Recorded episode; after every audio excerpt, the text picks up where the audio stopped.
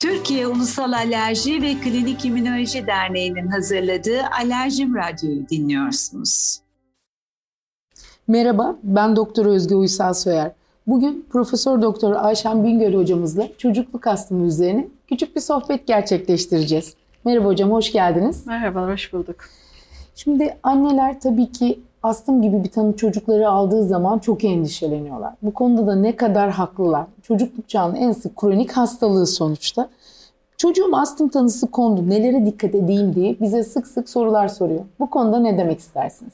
Evet. Astım sizin de söylediğiniz gibi sık görülen kronik bir solunum yolu hastalığıdır. Astımın ileriki hayatlarında iz bırakmasını önlemek için, yaşam kalitesini arttırmak için ve astımı iyi kontrol etmek için ailelere de çok büyük e, görev düşüyor.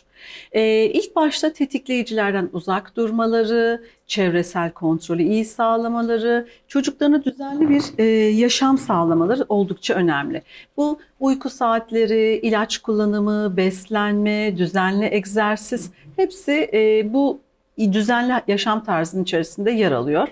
E, ve en önemlisi doktor kontrollerine düzenli devam etmeleri gerekmektedir. Peki hocam bu anneler çocuklarını ataklardan nasıl korusunlar? Hı hı. E, astım ataklarını en çok enfeksiyonlar, egzersiz, alerjenler, ilaçlar, stres ve hava değişimi e, tetiklemektedir.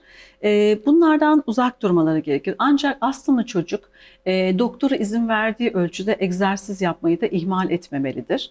E, bunun dışında alerjenlerin de doğru tespit edilerek bunlardan uzak durulması son derece önemlidir. Peki hocam astım tanısı aldı çocuğum. Neye alerjisi olduğunu öğrenmek istiyorum. Bunun için ne yapmam gerekli? Evet. Çocukluk çağı astımının çoğu alerjiktir. Ee, en büyük tetikleyicisidir astımın. Bu nedenle hangi alerjene duyarlı olduğunun tespiti de son derece önemlidir. Ee, bunun için e, doğru bir alerji testiyle e, tetikleyen alerjinin saptanması önemlidir.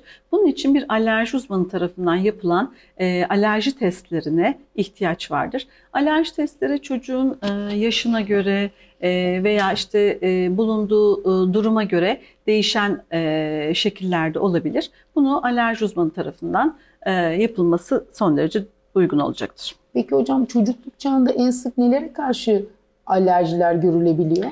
Ee, çocukluk çağında en sık ev tozu akarlarına, polenler, e, ev içi ve ev dışı küfler, e, çeşitli petlerin, ev içi hayvanların artıklarına, bunun dışında az da olsa besinlere karşı duyarlılıkları görebilmekteyiz. Peki biz bu alerjinin tedavisi için ilaç kullanmamız gerekir mi? Astımın evet. tedavisi için. Evet.